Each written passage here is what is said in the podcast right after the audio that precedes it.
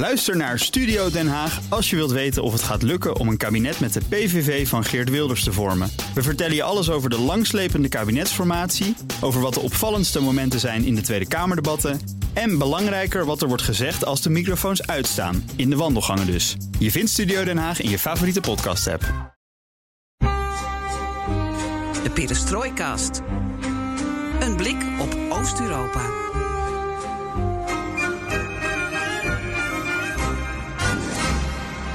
Welkom bij BNR Perestroikast, aflevering 67 van de enige podcast van Nederland die volledig oog voor het oosten heeft en geeft. Een regio die ons regelmatig kopzorgen oplevert, maar ook een gebied waar we onvoorwaardelijk van houden. Waar oorlog is, is liefde, zou ik bijna durven zeggen. En ja, kameraad Geert-Jan, ik ben weer in het land. Je bent weer in het land, terug uit Belarus en nu in quarantaine, al gezoend met mevrouw Akkerman? Nee, nee, nee, nog niet. Ik word op afstand gehouden. Ja. We slapen nog net niet uit elkaar. Nou, gelukkig heb je tijd om dan toch uh, vanuit het uh, prachtige Zandvoort de regio te blijven volgen. We hebben een bomvolle aflevering in de making. Uh, we duiken zo eens in de gigantische hoeveelheid nieuws die de afgelopen dagen ons heeft gebracht. Ja, je krijgt er kopzorgen van, zou je bijna zeggen. Hè? Ik bedoel, het was ook niet te volgen in zo'n hoog tempo dat op ons afkwam. Maar we gaan het ook hebben over de belangrijkste bijzaak van het leven. Want zelfs in coronatijd is er voetbal, brood en spelen, iets in die trant. Ja, net als vorig jaar schrijft daarom onze Arthur Huizinga bij ons aan. De kenner van het voetbal voorbij de Elbe. Je hoorde hem in aflevering 19. Dat lijkt alweer een eeuwigheid geleden. Ja, vooral fans van uh, Krasnodar en van Ferencvaros en van het Hongaarse voetbal even opgelet.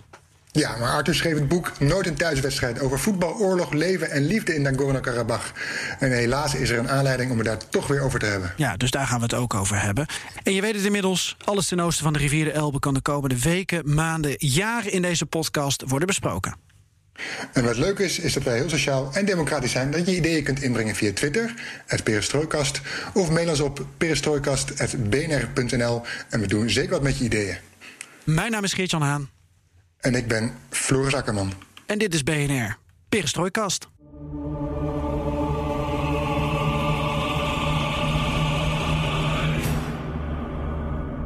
Nou Geert-Jan, we kunnen weer flink wat volkslieder afdraaien deze uitzending. En dan heb je Kirgizië nog niet eens genoemd in het intro. Ja, maar dat heeft op het moment van opname ook geen enkele zin eigenlijk. Uh, want daar heerst mm -hmm. nu totale anarchie. Ik kan het in vier zinnen doen. Wil je dat? ja, uh, Oké. Okay. Bestorming van het presidentiële kantoor. Premier opgestapt. Vervolgens hebben twee andere mannen zichzelf tot premier uitgeroepen. Een daarvan werd zelfs uit de gevangenis bevrijd door een boze menigte.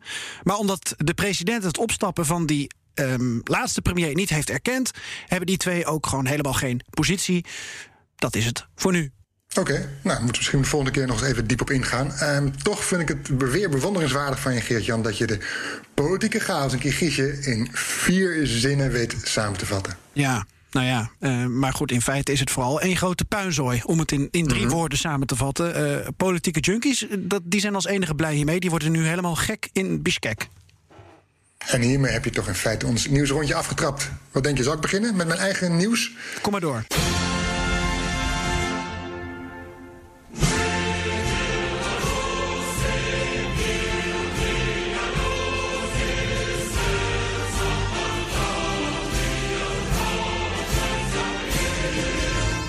Ja, ik zit nu in quarantaine vanwege corona. En nadat ik terugkom uit Belarus, uh, dus vroeg me toch af... ja, hoe zit het eigenlijk in Belarus met de coronabesmettingen... en ook in een ander land, in Tsjechië. Want dat is koploper in de EU.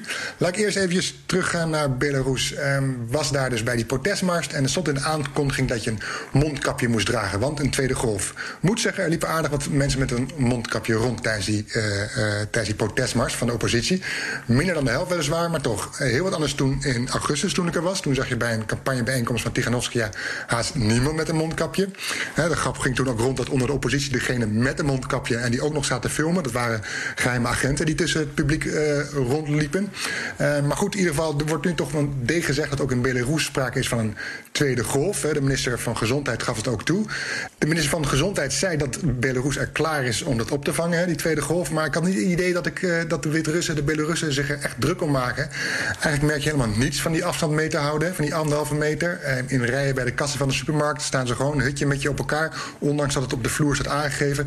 Een broodjeswinkel in Brest, niet meer dan drie, vier mensen in de winkel stond aangegeven naast de deur. Nou, er stonden er wel acht.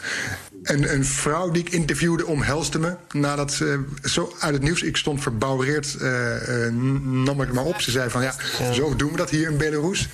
En um, in treinen, passagiers geen mondkapjes, personeel wel. Um, dus het is heel erg, je ziet totaal niet dat mensen daar echt druk mee bezig zijn. Ik, was, ja, sprak, ik sprak in een restaurant met de manager van het restaurant. Die had zelf hè, geen grote groepen meer, tafels uit elkaar gezet, geen waterpijp. Maar ze zei van ja, alles gaat eigenlijk op eigen initiatief. Die tafels uit elkaar zetten, dat doen we op eigen initiatief. Er is geen enkele oproep, geen enkel dringend advies van de overheid om anderhalve meter afstand te houden, om met richtlijnen te komen. Het is gewoon ieder voor zich. En ja, want zei ze van ja, van voor Lukashenko is het virus er niet. Je ziet het niet, dus ja, waarom zou je richtlijnen moeten uh, opleggen aan de bevolking. Dus vandaar dat het, uh, ja, uh, het, is, het is aan jezelf om iets aan corona te doen.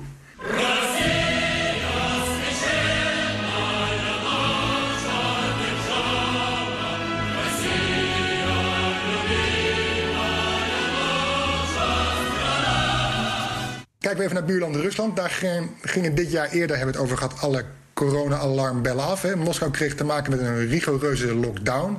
De gezondheidszorg kraakte en piepte. artsen stelden hun eigen coronalijsten samen, want op de overheid kon je niet vertrouwen. Poetin stelde zijn feestjes uit, weet je nog? De volksraadpleging en de overwinningsparade kwamen in juni alsnog uh, van de grond. Je ziet wel het aantal besmettingen de laatste maanden sterk oplopen, de laatste maand sterk oplopen. En ja, dus ook weer in ook weer strengere maatregelen. Moskou, uh, daar waar toch de meeste besmettingen zijn, meer thuiswerken. Scholen in Moskou hebben nu twee weken met vakantie. Dus ja, ook, ook eigenlijk waar overal uh, het speelt, is ook hier in de Tweede Golf uh, gaande. Dan hebben we nog even laatste land, last but not least.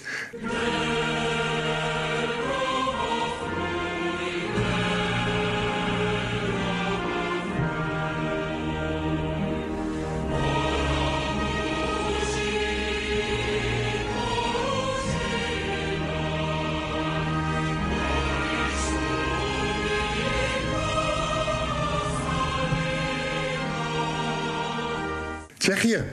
Weet je nog dat is wel interessant. Daar... Ja. Want? Want daar hebben ze uh, het coronavirus uh, ergens in de zomer verslagen, zeiden ze. Ja, daar, daar, hadden ze zelfs een groot feest. Op, op, op de Karelsbrug stond een tafel van 500 meter... waar alle inwoners konden zitten om iets te eten en te drinken...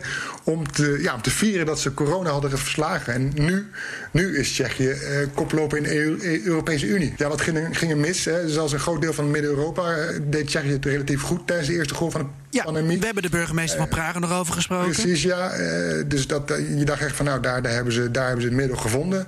daar weten ze hoe je dat moet aanpakken. Maar ja, ook daar werden in juni de meeste beperkingen weer versoepeld. Begon het aantal besmettingen in augustus weer te stijgen. En in september ging het nog harder. Dus ja, op het moment dat je toch uh, ook in Tsjechië uh, het allemaal wat soepeler maakt... dan, dan, dan komt corona geheid terug. En ja, nu is zelfs de noodtoestand uitgeroepen.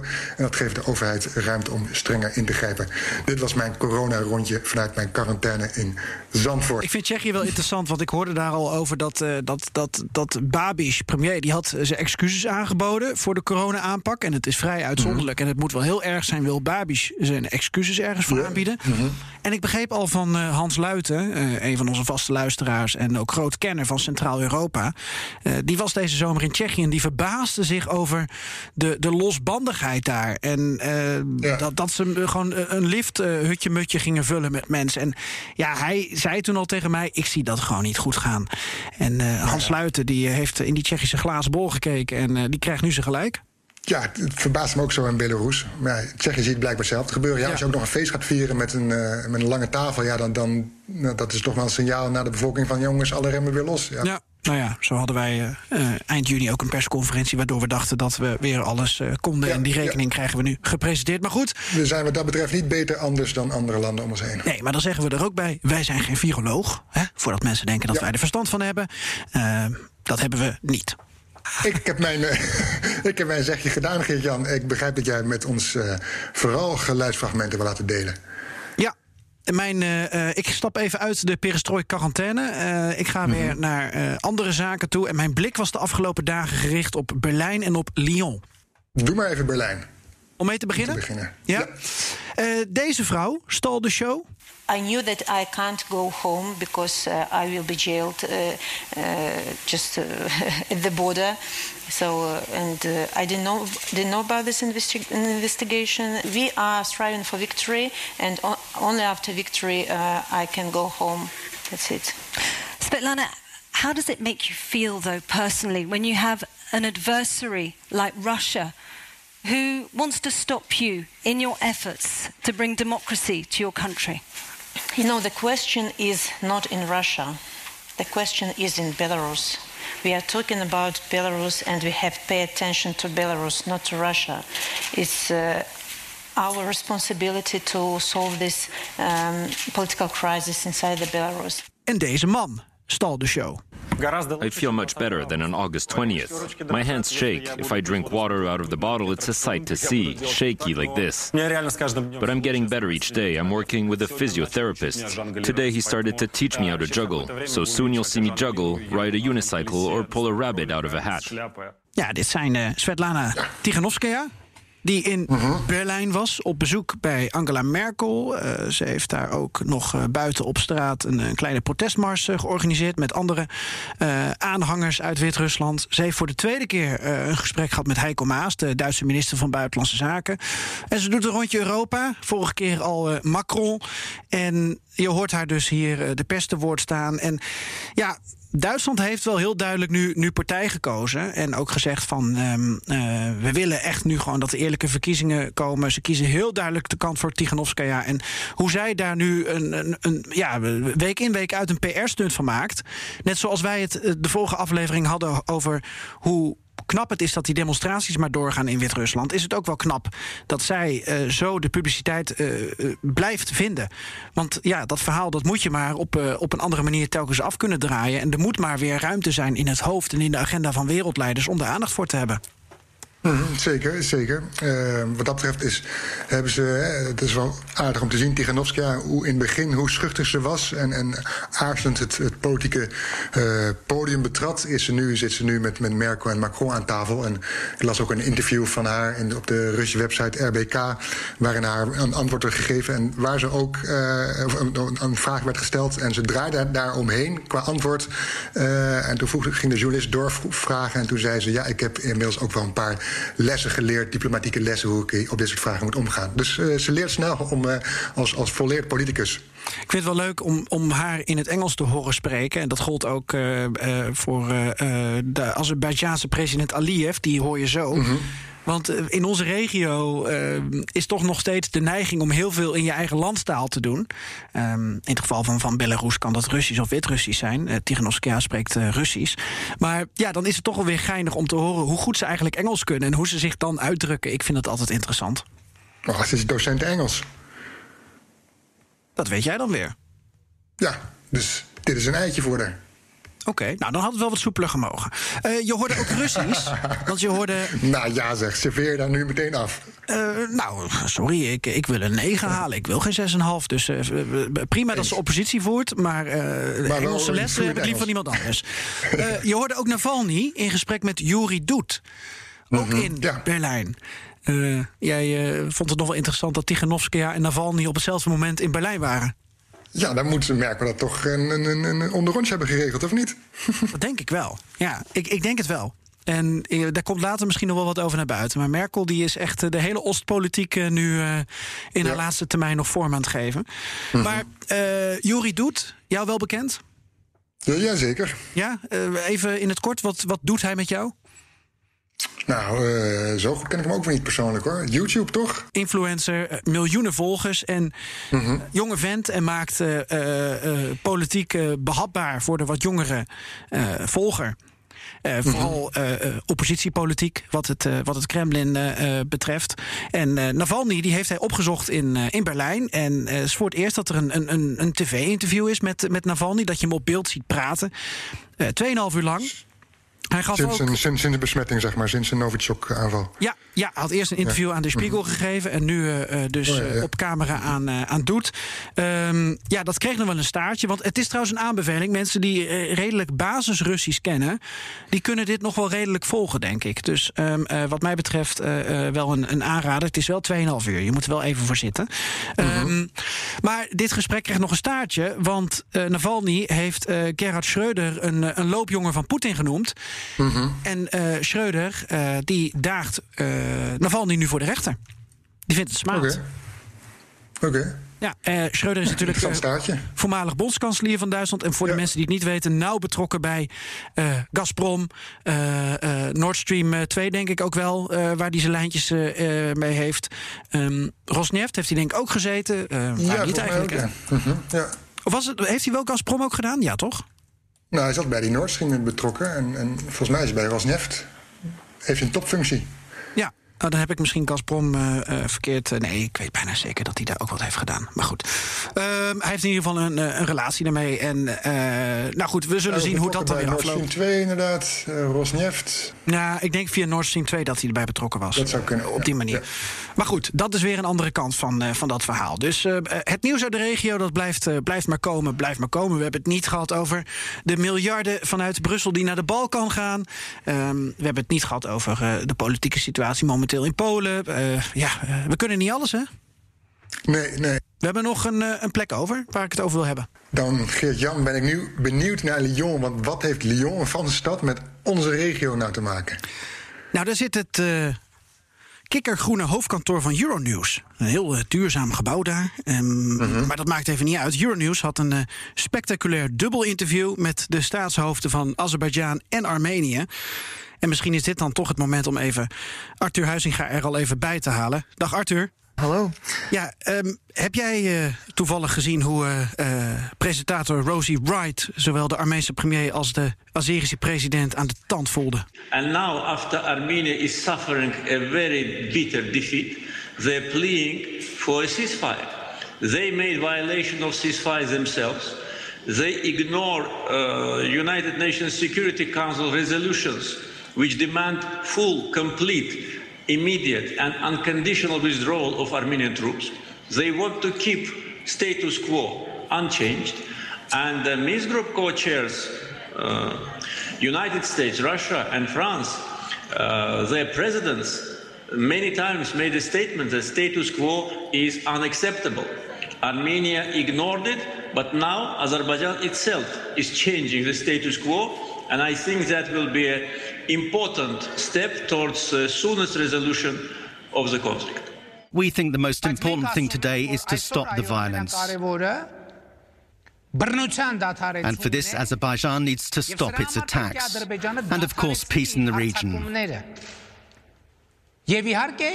And the best tool for it, in our opinion, is the international community's recognition of the independence of Karabakh.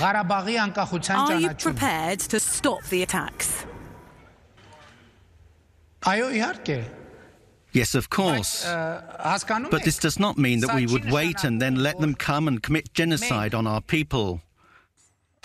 ik heb er een klein stukje van gezien. Uh, ja, het is verbazingwekkend, hè? Dat is de mediacratie van tegenwoordig. Dat zelfs uh, uh, um, presidenten die in oorlog zijn met elkaar gaan, gaan praten in een, in een westerse talkshow. Ja, had ik ook niet zomaar verwacht. Nee, je kan het terugzien online voor de geïnteresseerden. Het duurde in totaal, denk ik, zo'n 10 minuten, kwartiertje. Het waren twee losse interviews.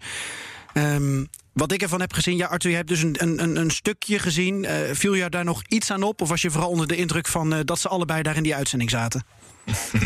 ik moet eerlijk zeggen dat ik eigenlijk alleen de eerste vijf minuten of zo uh, gekeken heb.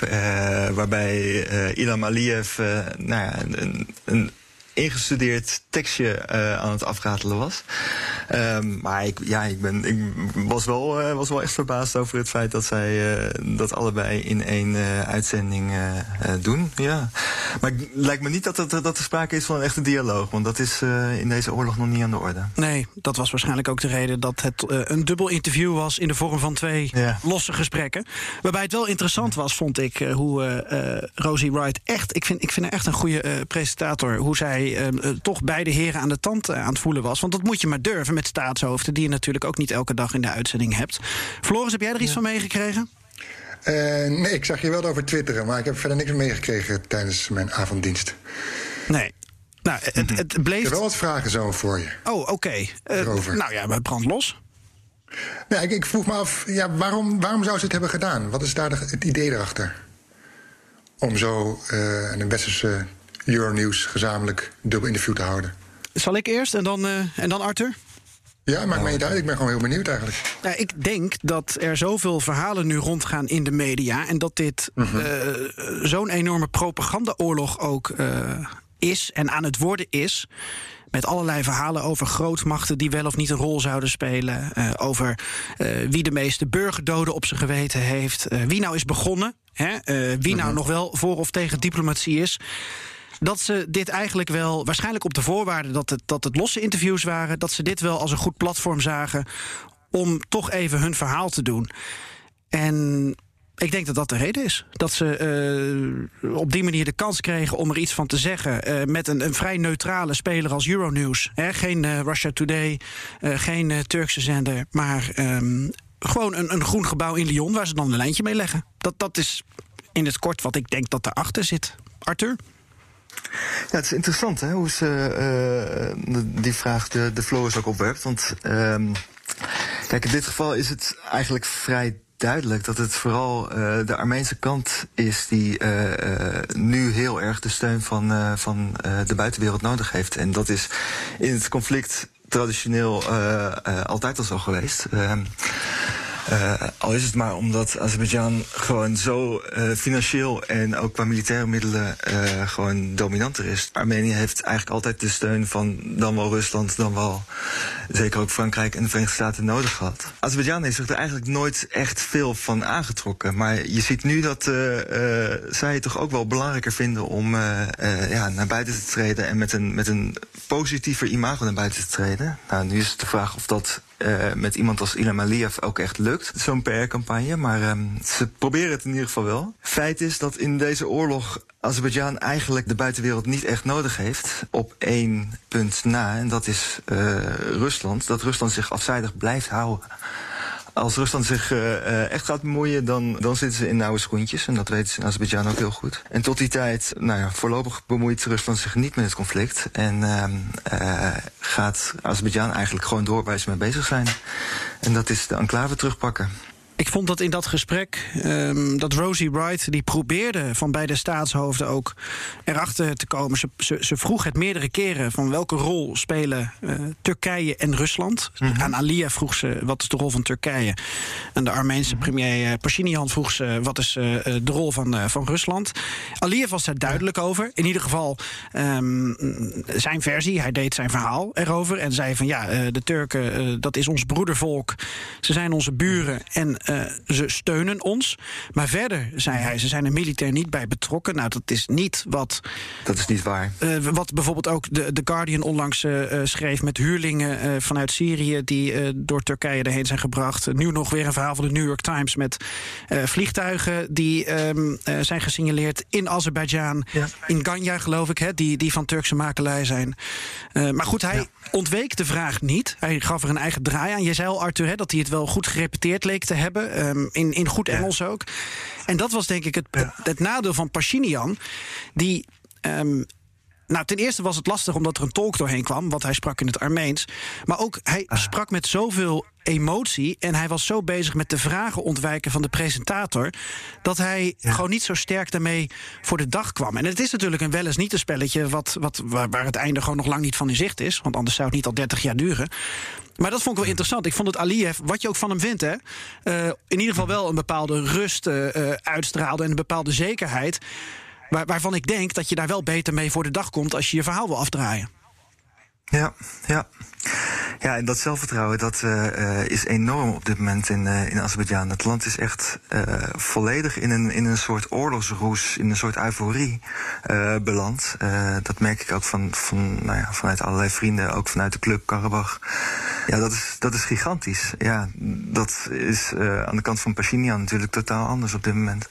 Daar leeft wel heel veel onzekerheid. Ja. Jij schreef het boek Nooit een thuiswedstrijd. Dat is al even geleden dat je dat boek schreef. Ehm, welke periode was dat dat jij met enige regelmaat uh, daar in de, in de Caucasus, in, in, in uh, ja, Karabach verkeerde? Mm -hmm. Nou ja, tussen 2008 en 2014 ben ik nou, heel vaak in die regio geweest. Ook in de Nagorno-Karabakh, ook aan de kant van Azerbeidzjan, dus aan de, aan de frontlijn, zeg maar.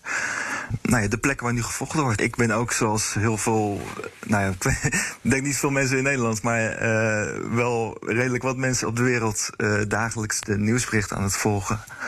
En ook de, de berichtjes over welke stukjes grond nu wel en niet ingenomen zijn. Um, want ik ken die stukjes grond. De meeste ben ik geweest, ja. Dat maakt het wel maar menselijk. nog terug naar het interview? Oh, wil je nog, oh ik, ik, ik, ik, maak een heel menselijk verhaal van, dacht ik, Floris. Ja, maar jij wil nog even naar. De, dat, snap ik ook, daar wil ik ook naartoe. Ik wil alle gevoelens van Arthur horen en hoe diep het allemaal, uh, uh, dat hij woedende nachten heeft. Maar nog één, één spraken Aliyev en, en Pashinian, Pashinian ook over een oplossing? Of, of een poging tot, tot, tot elkaar te komen? Of was het alleen maar, ik, als ik mijn praatje maar doe? Een beetje van allebei. Het was wel Mhm. een vraag die telkens werd herhaald door Rosie Bright. Waarbij beide heren zeiden van ja, eh, diplomatie is het allerbelangrijkste. Um, maar waarbij de tweede zin gelijk was, wij zijn niet begonnen. Ja. En dan ben je klaar. Ja, we hebben het niet gedaan. Het is, dat is een, wel eens niet, niet een spelletje wat eigenlijk helemaal geen rol speelt natuurlijk in dit, in dit conflict. Want wie nou deze uh, schermutselingen begonnen is, ik denk dat het voor iedereen duidelijk is dat uh, Azerbeidzjan dit moment als een soort perfect storm heeft gekozen om ja, de lang verwachte oorlog te beginnen. Uh, daar is het eigenlijk al 30 jaar lang wachten op. Dit is een beter moment dan dit kun je bijna niet, niet vinden. De wereld is bezig met de coronapandemie. Er komen Amerikaanse verkiezingen aan, waarbij de Amerikaanse president ook nog zelf corona blijkt te hebben. De wereld interesseert zich op dit moment niet zo heel erg voor zo'n conflict. En dit is, dit is dan het moment. Ja, en in Azerbeidzjan, uh, ze hebben eigenlijk niks te verliezen om, om deze oorlog nu te doen. Het is misschien nog wel interessant om, om het even te hebben over, over een oplossing. Want daar heb ik natuurlijk ook eindeloos over zitten, zitten nadenken. Ja, stel, hoe, jij hoe... gaat met deze heren aan tafel zitten, Arthur. Waar zou je mee komen? Voetbaldiplomatie. Nou ja, dat, voetbaldiplomatie, dat, dat, is, uh, dat is al, uh, al jaren uh, niet meer mogelijk. Hè? Omdat beide landen in alle voetbalcompetities altijd gescheiden worden. Ja. Dus, nou, juist dus wel. Een loting zijn. Ja, juist dat proberen. Het werkt vaak wel, want eh, dat is, dat is uh, ook de basis van mijn, van mijn boek en van uh, ook het fotoboek uh, Offside dat ik met Dirk-Jan Visser heb gemaakt.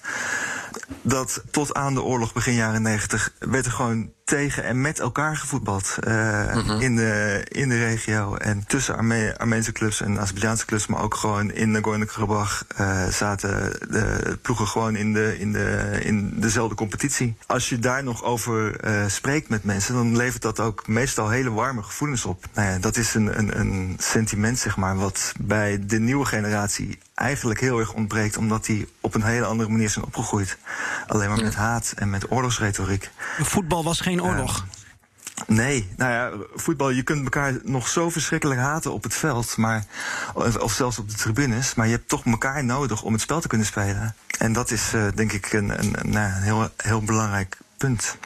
Ja. Voor uh, van kracht van sport. Ja, het, het, voordat we het over die oplossing gaan hebben, nog heel kort toch wel weer een, een voetbal uh, gerelateerd dingetje. Want ja, dat die Europa League finale in, in Azerbeidzjan was, in Baku, en dat Arsenal spelen Mkhitaryan. Um, van Armeense ja. afkomst uh, van Arsenal dan niet um, kon meedoen. Ja. En dat dan Michael van Praag dat dan toch uh, indrukwekkend noemt... dat er ook geen ene hond op de tribune zit um, in zo'n uh, bijzondere uh, setting. Waarbij, weet je, het gaat om de sport dan. En, en die, die Mkhitaryan, die nou ja, zal ook wel met, met bepaalde gevoelens zijn opgegroeid... maar die wil daar gewoon voetballen. Die heeft gewoon pech dat die finale dan in Baku is... in, in het buurland waar ruzie mee is. Maar dat is, ja. ja, dat is waar het dan ook weer niet om draait tegenwoordig. Dan draait het weer om commercie en om andere dingen. Ja, ja. Maar goed, dit was gewoon even zeker, een woede van mijn kant. Lekker, zo'n eigen ook al, podcast. eh, Ja, ik wil het zeggen. Ja. Mkhitaryan heeft zich ook al duidelijk uitgesproken in, in, uh, in de huidige oorlog. Hè? En, uh, en dat uh, uh, keihard afgewezen. Maar Ah. ja, het, is, het, het lijkt alsof er nu even geen weg terug meer is. Nee, nou, En als we dan... die oplossing, kom er Ja. toch maar mee. Dat, dat, kijk, dat is het hele, dat is het hele probleem. Wanneer, is een, eindigt een, een, een, oorlog? Want dit is, bedoel, we mogen geruststellen dat dit geen schermutseling meer is. Dit is uh, uh, gewoon een, een, een totale oorlog met als doel om de hele regio weer onder Azerbeidzjaans bestuur te krijgen. Ehm, wanneer eindigt zo'n oorlog? Zo'n oorlog ja, eindigt als een van de twee partijen zegt: Oké, de oorlog is afgelopen, ik geef me over. Of als een uh, buitenlandse mogendheid uh, afdwingt dat er een, uh, een wapenstilstand komt. Ehm, maar ja, is, is dat een oplossing? Nee, dat is geen oplossing. Want dat, is 30 jaar, dat heeft al 30 jaar zo bestaan, zeg maar. Dat kan alleen als je met heel veel peacekeepers op de grond daar gaat staan. En dan zeker 50 jaar vredesonderhandelingen. of weet het? een, mensen met elkaar weer in contact gaat brengen. Natuurlijk heeft dat de voorkeur, maar ik denk dat, dat Azerbeidzjan daar helemaal uh, niet mee bezig is op dit moment. Die gaan nu gewoon door totdat de andere kant zegt: we kunnen niet meer, we geven ons over. En die andere kant is, uh, vecht zich op dit moment liever dood dan het gebied op te geven. Dus uh, ja, het is, het, is, het is redelijk uitzichtloos qua oplossing. Ja. Maar is er dan geen enkele partij die kan zeggen van jongens, kap ermee. Er is dus niemand die dat... Rusland. Rusland toch steeds. Rusland. Mm Dat is wel interessant, want ik heb. Uh, jij zei al, uh, Arthur, dat uh, Mikitarian zich had uitgesproken. En ik heb hier inderdaad de brief ja. gevonden die hij deze week heeft geadresseerd aan allerlei staatshoofden. En ja. dat begint met His Excellency Vladimir Poetin president of Russia. Ja. En daarna volgen Macron en Trump. En dat zijn natuurlijk de drie uh, voorzitters, uh, co-voorzitters met elkaar de van de Minskgroep ja. van de OVSE. Uh, maar ja, het, het, de touwtjes zijn ook volgens hem dan in handen van Poetin. Maar dat is misschien ook omdat hij als armee natuurlijk weet dat Rusland. daar hebben ze een soort van alliantie mee. Dus daar is de, de hoop dan ook op gericht. Ja, Zeker, zeker. Interessante brief trouwens. Uh, wel voor iedereen de moeite waard om na te lezen. Als je op Twitter zit, op het uh, Twitter-account van Mikitarian... staat hij nu bovenaan als vastgemaakte tweet. En dan zie je inderdaad ook wel zijn, zijn emotie bij het conflict. En wat jij zei, dat hij inderdaad wel duidelijk partij kiest. Maar goed, dat zal uh, voor 95% van de Armenen gelden in dit geval. Tuurlijk, ja, ja. En misschien nog wel meer. En aan de andere kant is het, hebben we het ook over dat soort aantallen. Toch even die emotie. Want jij, jij zegt van ja, je hebt toch een beetje een beetje wat gepeild. Je hebt natuurlijk contacten met die regio. Ja. Je, je, hebt daar misschien ook wel meegemaakt dat er schermutselingen waren in die, in die paar jaar dat je daar geweest bent. Uh, nu is het uh, echt ja, de pan uitgeëscaleerd. Ja. Wat voor emoties heb je erbij? Ik ben inderdaad daar, daar. In de tijd dat ik daar was, was het op zich rustig. Maar als je in de buurt van contactlijn, zo noemden ze dat. In feite zijn dat gewoon loopgraven tussen Nagorno-Karabakh en het, de militaire bufferzone die in Armeense handen is en Azerbeidzjan. En ook aan de andere kant, als je daar in de buurt komt, dan waren er altijd uh, sluipschutters die konden schieten. Dus uh, je kon er altijd maar heel even blijven en je wist ook dat, uh, dat je een risico liep als je daar was. Ja, nu is het, uh, nu is het echt ontbrand. En nou, eigenlijk al, die, al de plekken waar ik daar geweest ben, die liggen nu onder vuur. Ook de mensen die, de, die we daar ontmoet hebben, die liggen onder vuur. Ja, dat is heftig. dat is moeilijk. Moeilijk uit te drukken zelfs. Ja, nou ja, je merkt het, hè. Ja. En, um, uh, heb, je, heb je contact met nou ja, ze, of op een manier? Nou, de mensen in, die daar wonen, daar heb ik op dit moment geen contact mee. Uh, nee. ja. Mm. Ook niet gehad. Maar wel, uh, uh, wel in Baku. Dat is natuurlijk op een, op een grote afstand. Ja, daar merk je uh, hele andere sentimenten. Ik bedoel, het is, het is duidelijk dat het hele land... en ik weet eigenlijk wel zeker dat dat voor Armenië ook geldt... nu totaal in de ban is van, van dit conflict. In Baku op de straten worden permanent droneaanvallen en zo uh, uh, gelukte uh, raketinslagen in het, in, in het gebied afgespeeld op videoschermen door de hele stad. Iedereen is daarmee bezig. Iedereen kent ook mensen die als vrijwilliger naar het front zijn gegaan. Ik mag wel zeggen, een paar van mijn beste vrienden die ik, die ik ken als, als nou ja, toch wel uh, mensen met een hele brede, uh, liberale, progressieve blik op zaken, zeg maar, die zijn 100% overtuigd van het, van het gelijk van deze oorlog. Ja. Um, Is het een, een wat volks... dan? Met welk... Mm -hmm. Ja, Floris, ga door, sorry. Ja, maar wat, wat, met welk uh, gevoel of argumenten gaan zij dan die oorlog in? Wat, wat, wat zeggen ze dan? Of wat? Als ze zo progressief liberaal zijn, wat, wat doet het hem dan dat ze zo...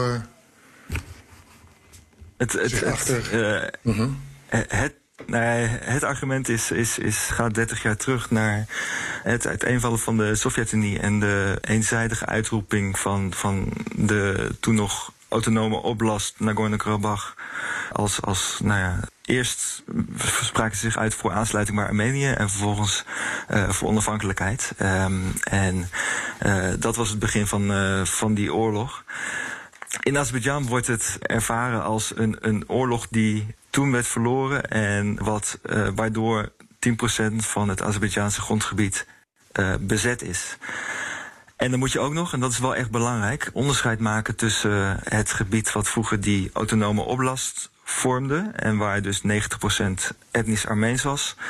En de uh, zeven omliggende regio's die nou ja, in de loop van de strijd ingenomen werden door de, door de Armenen. En vervolgens eigenlijk leeggelaten zijn als een soort militaire bufferzone. Dat is wel begrijpelijk dat ze dat doen. Hè. Daarmee uh, creëer, uh, creëer je de veiligheid voor het gebied waar het echt om gaat. Maar die zeven omliggende regio's, die uh, zo ervaren uh, de mensen in Azerbeidzjan dat uh, die moeten sowieso terug. En over de status van Nagorno-Karabakh, daar moet dan een oplossing voor komen. Of daar kunnen we nog. Daar zit nog een heel klein beetje speling in, in onderhandelingen, zeg maar. Wat, wat de status van uh, de autonome oblast met Stepanakert hoofdstad, hoofdstad zal worden. Ja. Maar die regio's eromheen, uh, dat waren ze gewoon als een, als een onrecht in, uh, in de jaren negentig. Wat wel afgesloten is met een staakt, met, staakt het vuren, maar niet met een vredesverdrag. Dus voor hun is die oorlog nooit afgelopen. Uh, in feite is het ook zo. Die oorlog is nooit afgelopen. Alleen hij, is nu, hij wordt nu opgepakt na 30 jaar weer, zeg maar. Ja. Je bent geen. Uh... ons gebied is bezet en niet uh, uh, is bezet en wij gaan het nu rechtmatig weer terughalen. Je bent geen geopolitiek analist, Arthur. Jij bekijkt het wat meer ook van, de, mhm. van de menselijke kant en vanuit de, de emoties. En ik vind dat je dat erg goed ja. doet. Want het is een, een heel lastig conflict vanwege alle, alle propaganda natuurlijk. En, en ja, totaal ge, Ja, um, laten we het over voetbal hebben. Want uh, ja. daar. Ja, ik vond net zo interessant. Stomme voetbal. daar ja. hebben we je voor gevraagd. Um, Floris, jij kan even koffie zetten dan. ja? Wij willen wel een bakje. Ja, nee. ik had al één vraag. Eén vraag over voetbal of over, over voetbal? Over voetbal. Oké. Okay. Voetbal. Ja, ik heb wel meer vragen over Nagorno-Karabakh. Maar goed, enfin. Zal ik heel kort het inleiden? Mag jij de eerste vraag stellen? Mm -hmm. Oké, okay. want uh, de loting van de Champions League is weer geweest. Um, vorig seizoen in, in pre-coronatijd. Toen, uh, toen hebben we dat ook met Arthur besproken. Toen kwamen er uh, zes clubs uit onze regio in de Champions League terecht. Nu zijn het er weer zes. Um, we gaan ons focussen op twee verrassingen. Twee, twee leuke clubs om, om gewoon eens te bekijken. Krasnodar en Ferencvaros. We gaan nog even kijken naar uh, de Europa League. Want uh, Arthur die, uh, die, die houdt gewoon van, van, van kleine clubs, um, underdogs, nostalgische stadions, als ik het zo mag noemen. Dus dat moeten we even erbij pakken. En misschien is er nog ruimte voor een, voor een speler om op te letten. Um, lijkt ons leuk om dat even met, met Arthur door te nemen. Um, maar Floris, jij wilde toch een vraag stellen voordat jij voor mij een, een espresso met extra suiker ging halen. nee, maar die vraag is iets te. Ik wilde wel weten, er was ook een vraag op Twitter wie dan de opvolger is van Haji en, en dat soort beroemde spelers en Netvet en Stoichkov. Maar dat is misschien een vraag voor wat later in, de, in het gesprek met Arthur. Eerst eventjes wat breder over Ferencvaros en Krasnodar je, je bedoelt eigenlijk wie is de smaakmaker nu van onze regio? Ja. Volgens Arthur Huizinga? Ja. Oké. Okay. Groot, grote talent. Nou, wordt dat, misschien dat, over nadenken. Dat wordt het, het uitsmijtertje, Arthur. Ja. ja. Dan denk ik even terug aan jouw WhatsAppje, Geert-Jan. Oh. Zaakjes. Lewandowski natuurlijk. Oh ja, inderdaad. Ja, nee, ja die heeft ja, dit, dit jaar natuurlijk uh, die gouden bal verdiend. Nee, maar Floris, jij, jij hebt er geen verstand van. Waar heb jij het over? Dat, dat, dat, zijn jouw woorden. Lewandowski had dit jaar die gouden bal verdiend. Ja, niet gekregen. Nee, niet gekregen, want niet, niet uitgereikt. Maar goed, Krasnodar en Ferencvaros. Waar wil je mee beginnen, Arthur? Want dat zijn toch twee bijzondere clubs. Zullen we beginnen met Krasnodar? Ja.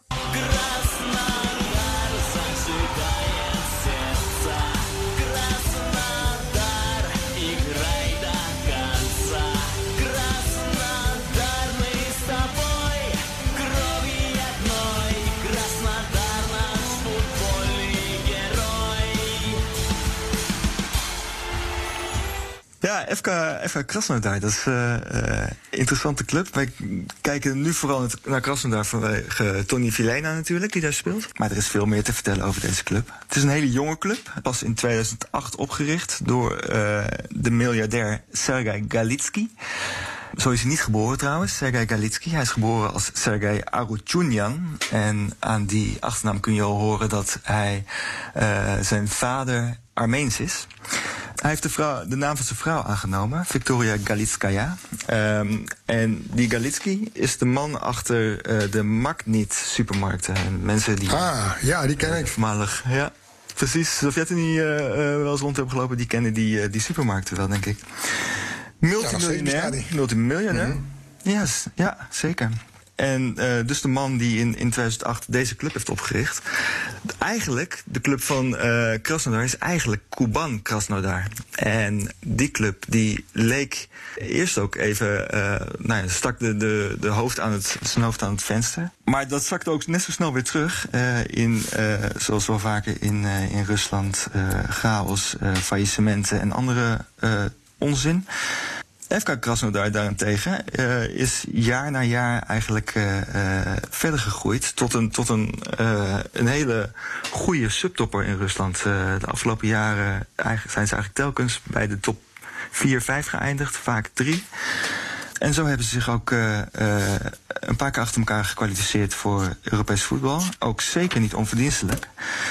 Waar zijn ze groot mee geworden? Met wie? Uh, heel goed. Waar zijn ze groot mee geworden? Zijn, uh, op een gegeven moment gingen ze spelers die wij ook goed kenden uh, halen. Bijvoorbeeld Grankvist, verdediger van FC Groningen, een paar jaar geleden. Ari, spits van AZ. En die zit er nog steeds. Ari, de Braziliaanse spits, is inmiddels een Rus geworden en heeft ook al gedebuteerd voor het Russische elftal. En in het elftal nu zit ook Wanderson. En Wanderson, dat is de zoon van Bamberto. Die kennen jullie misschien ook nog wel. Vroeger van Ajax en... Uh, en die kent Floris zelfs. gespeeld. Ja, mijn tijd. ja, ja. Ja, Wambeto heeft uh, twee, uh, twee voetballende zoons. En uh, nou ja, de meest succesvolle eigenlijk, die, die speelt dus bij Krasnodar, bij Wanderson. Voor mij de interessantste speler is een, een jonge jongen uit Dagestan. Uh, geboren in Magachkala, uh, opgeleid bij uh, Anji Magachkala. En hij heet Magomed Shapi Suleimanov. En hij speelt met Shapi ook op zijn rug. Hele jonge jongen nog. Hij is 20 jaar oud. En in 2017 werd hij de jongste Russische doelpuntenmaker ooit in een Europese competitie. Hij was toen 17 jaar en een maand of zeven. En die Shapi Suleimanov, die heeft zich vorig jaar laten zien, bijvoorbeeld in de Europa League, waarin uh, Krasnodar de achtste finale haalde. Met een paar fantastische goals. Bijvoorbeeld tegen Bayer Leverkusen in de, in de tweede ronde. Toen zorgde hij er uh, met een fantastische vrije trap voor dat Peter Bos uh, werd uitgeschakeld. Uh, en een ronde later maakte hij een zo mogelijk nog mooier doelpunt uit bij Valencia een krul van, van een meter of uh, 25, 30 vanaf de zijkant in de, in de verre hoek, vlak voor tijd. Nou ja, en daarmee leek zijn naam wel echt uh, gevestigd, zijn definitieve doorbraak. waar het niet dat Valencia in blessuretijd toch nog gelijk maakte en Krasnodar daarmee uitschakelde. Maar ja, daarin kun je al wel zien dat uh, Krasnodar uh, jaar na jaar uh, sterker aan het worden is. En nou ja, dit jaar zelfs dus de Champions League heeft gehaald. Ja. En kunnen ze met de zoon van Wamberto die Champions League winnen? Dat lijkt me wat veel gevraagd. Ja, met Krankvis sowieso niet, denk ik. Maar goed. Nee, die, die is er ook niet meer, Krankvis. Die is, uh, die is vertrokken. Oh, oké. Okay.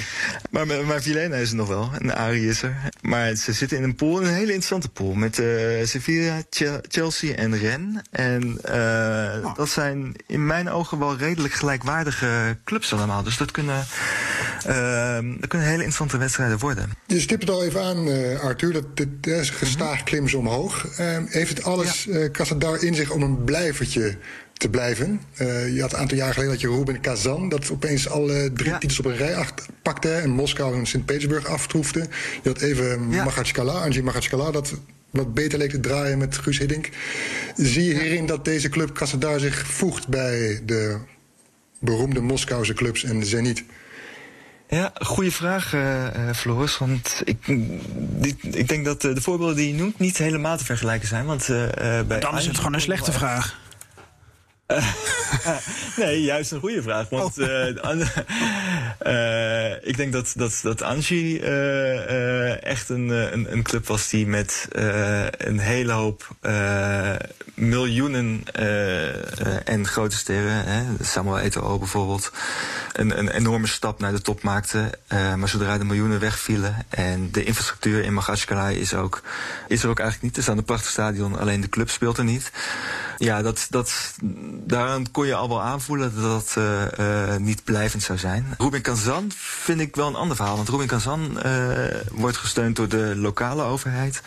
En die bereikte de top van het Russische voetbal ook niet met, met grote namen, grote sterren, maar ja, meer de, de subtoppers. Een paar Christian Noboa kan ik me nog herinneren.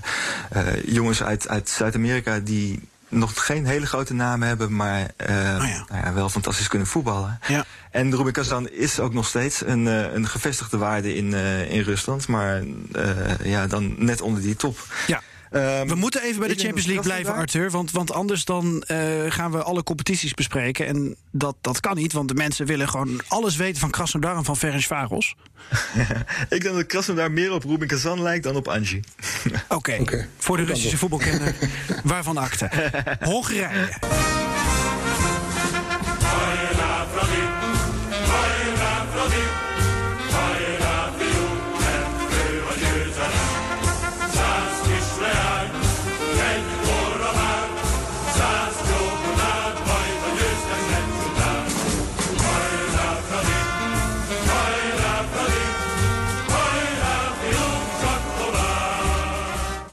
Wij kregen al vragen van luisteraars van... Hoe, koffie halen. Hoe kan het... Ja, dag Floris.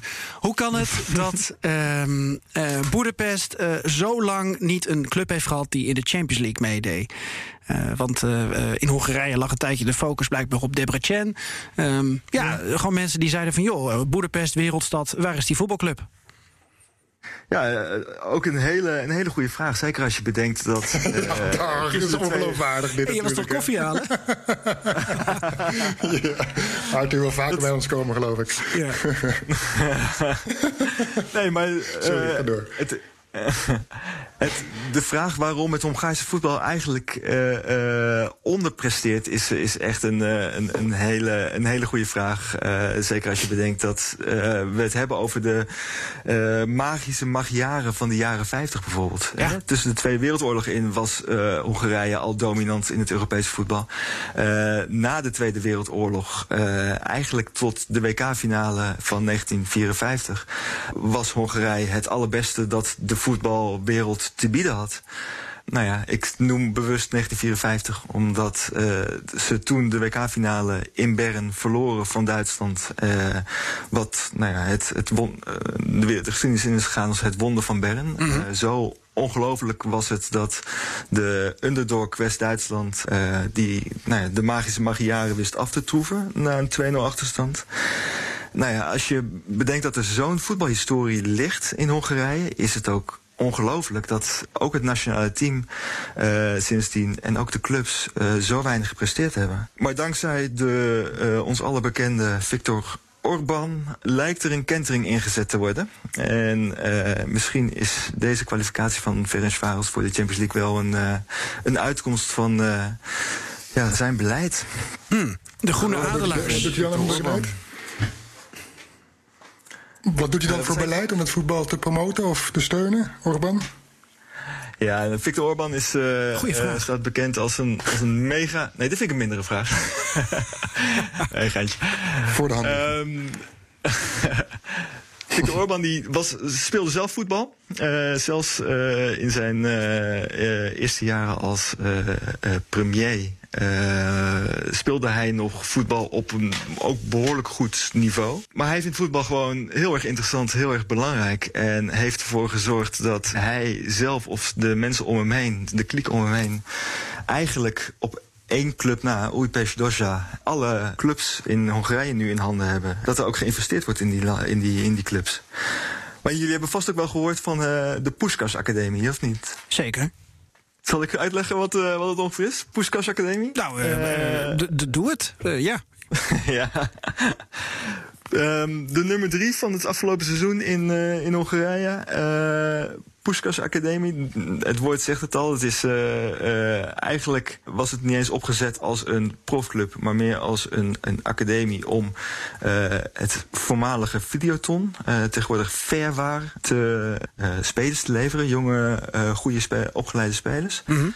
En uh, is de club waar Victor Orban in uh, de jeugd nog uh, een, een blauwe maandag heeft gespeeld. Ah ja. Hij woont er niet al te ver vandaan. Hij heeft een huis niet al te ver vandaan. In uh, een heel klein dorpje, uh, 1500 inwoners. En daar heeft Orban een prachtig stadion neer laten zetten.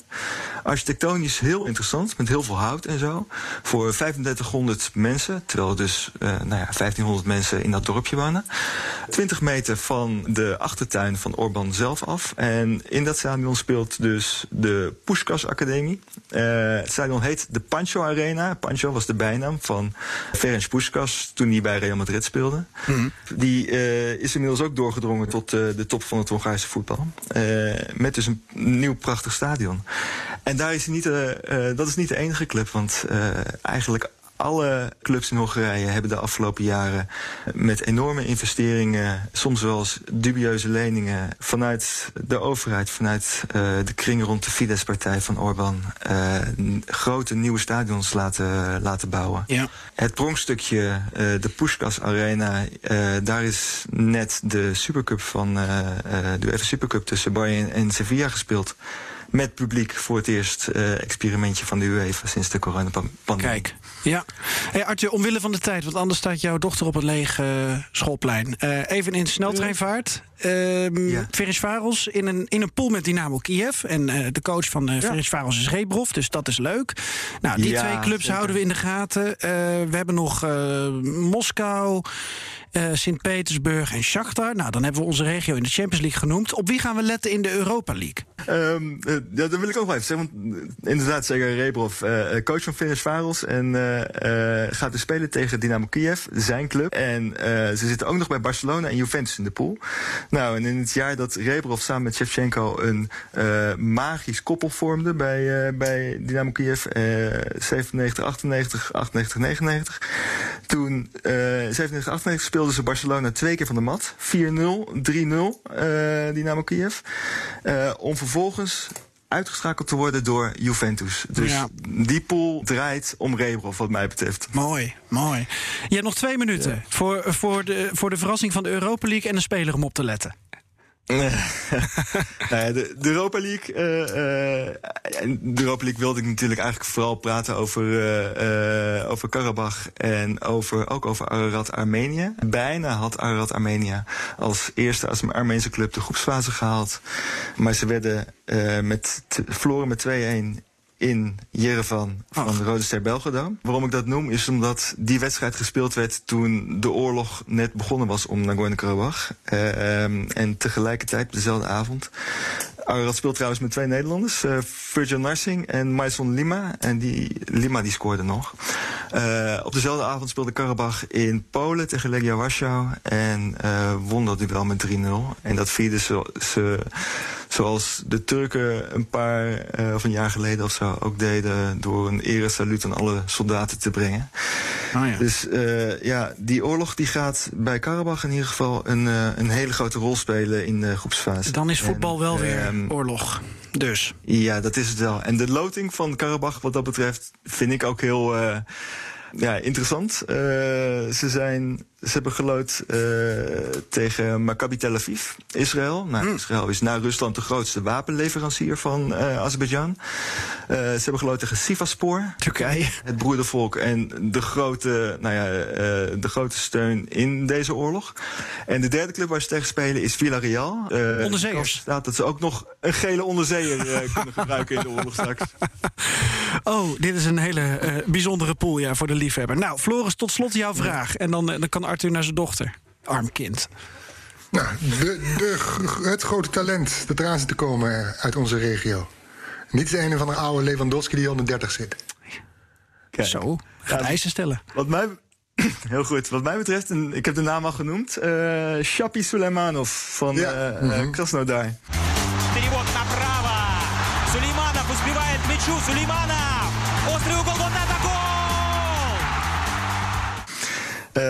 garantie voor schitterende goals.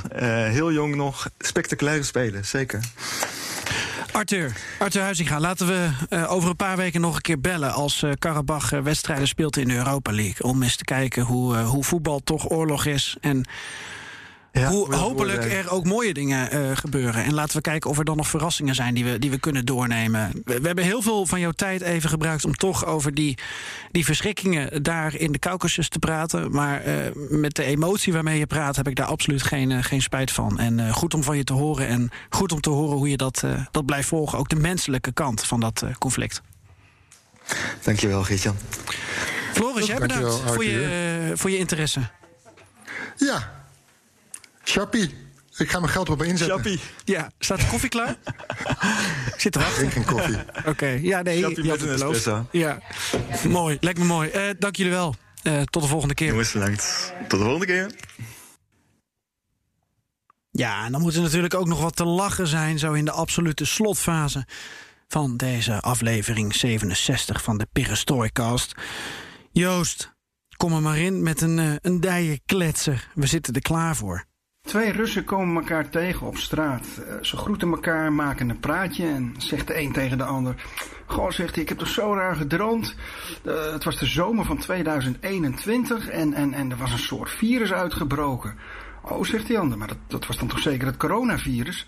Nee, zegt hij, nee, want we hadden geen mondlapjes voor en niemand had handschoenen aan. Er waren geen maatregelen of wat ik maar.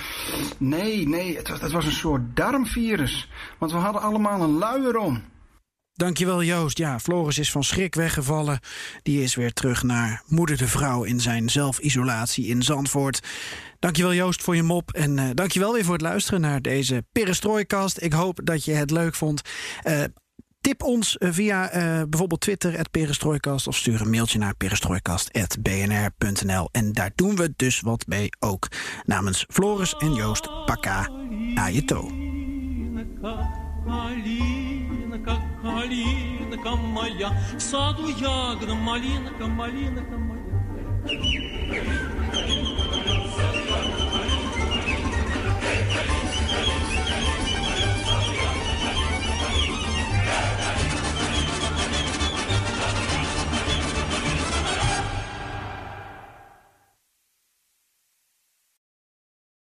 Ook Hugo Reitsma vind je in de BNR-app. Superhandig die BNR-app. Je kunt alle programma's live luisteren, breaking nieuwsmeldingen. Je blijft op de hoogte van het laatste zakelijke nieuws. En je vindt er alle BNR-podcasts, waaronder natuurlijk de belangrijkste, Boeken zijn in de wijk.